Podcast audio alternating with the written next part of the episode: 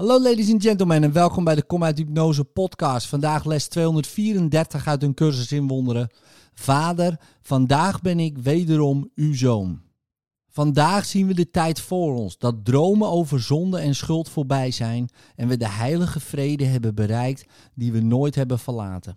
Slechts een nietig ogenblik is tussen eeuwigheid en tijdloosheid verstreken. Zo kortstondig was de tussenpoos dat er in de continuïteit geen breuk is geweest, nog een onderbreking in de gedachten die voor eeuwig als één verenigd zijn. Nooit is er iets gebeurd dat de vrede van God de Vader en de Zoon heeft verstoord. Dit aanvaarden we vandaag als volkomen waar.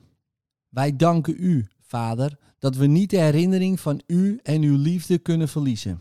We weten ons geborgen en zeggen u dank voor alle gaven die u ons geschonken hebt. Voor alle liefdevolle hulp die we hebben ontvangen. Voor uw eeuwig geduld en voor het woord dat u ons gaf dat we zijn verlost. In liefde, tot morgen.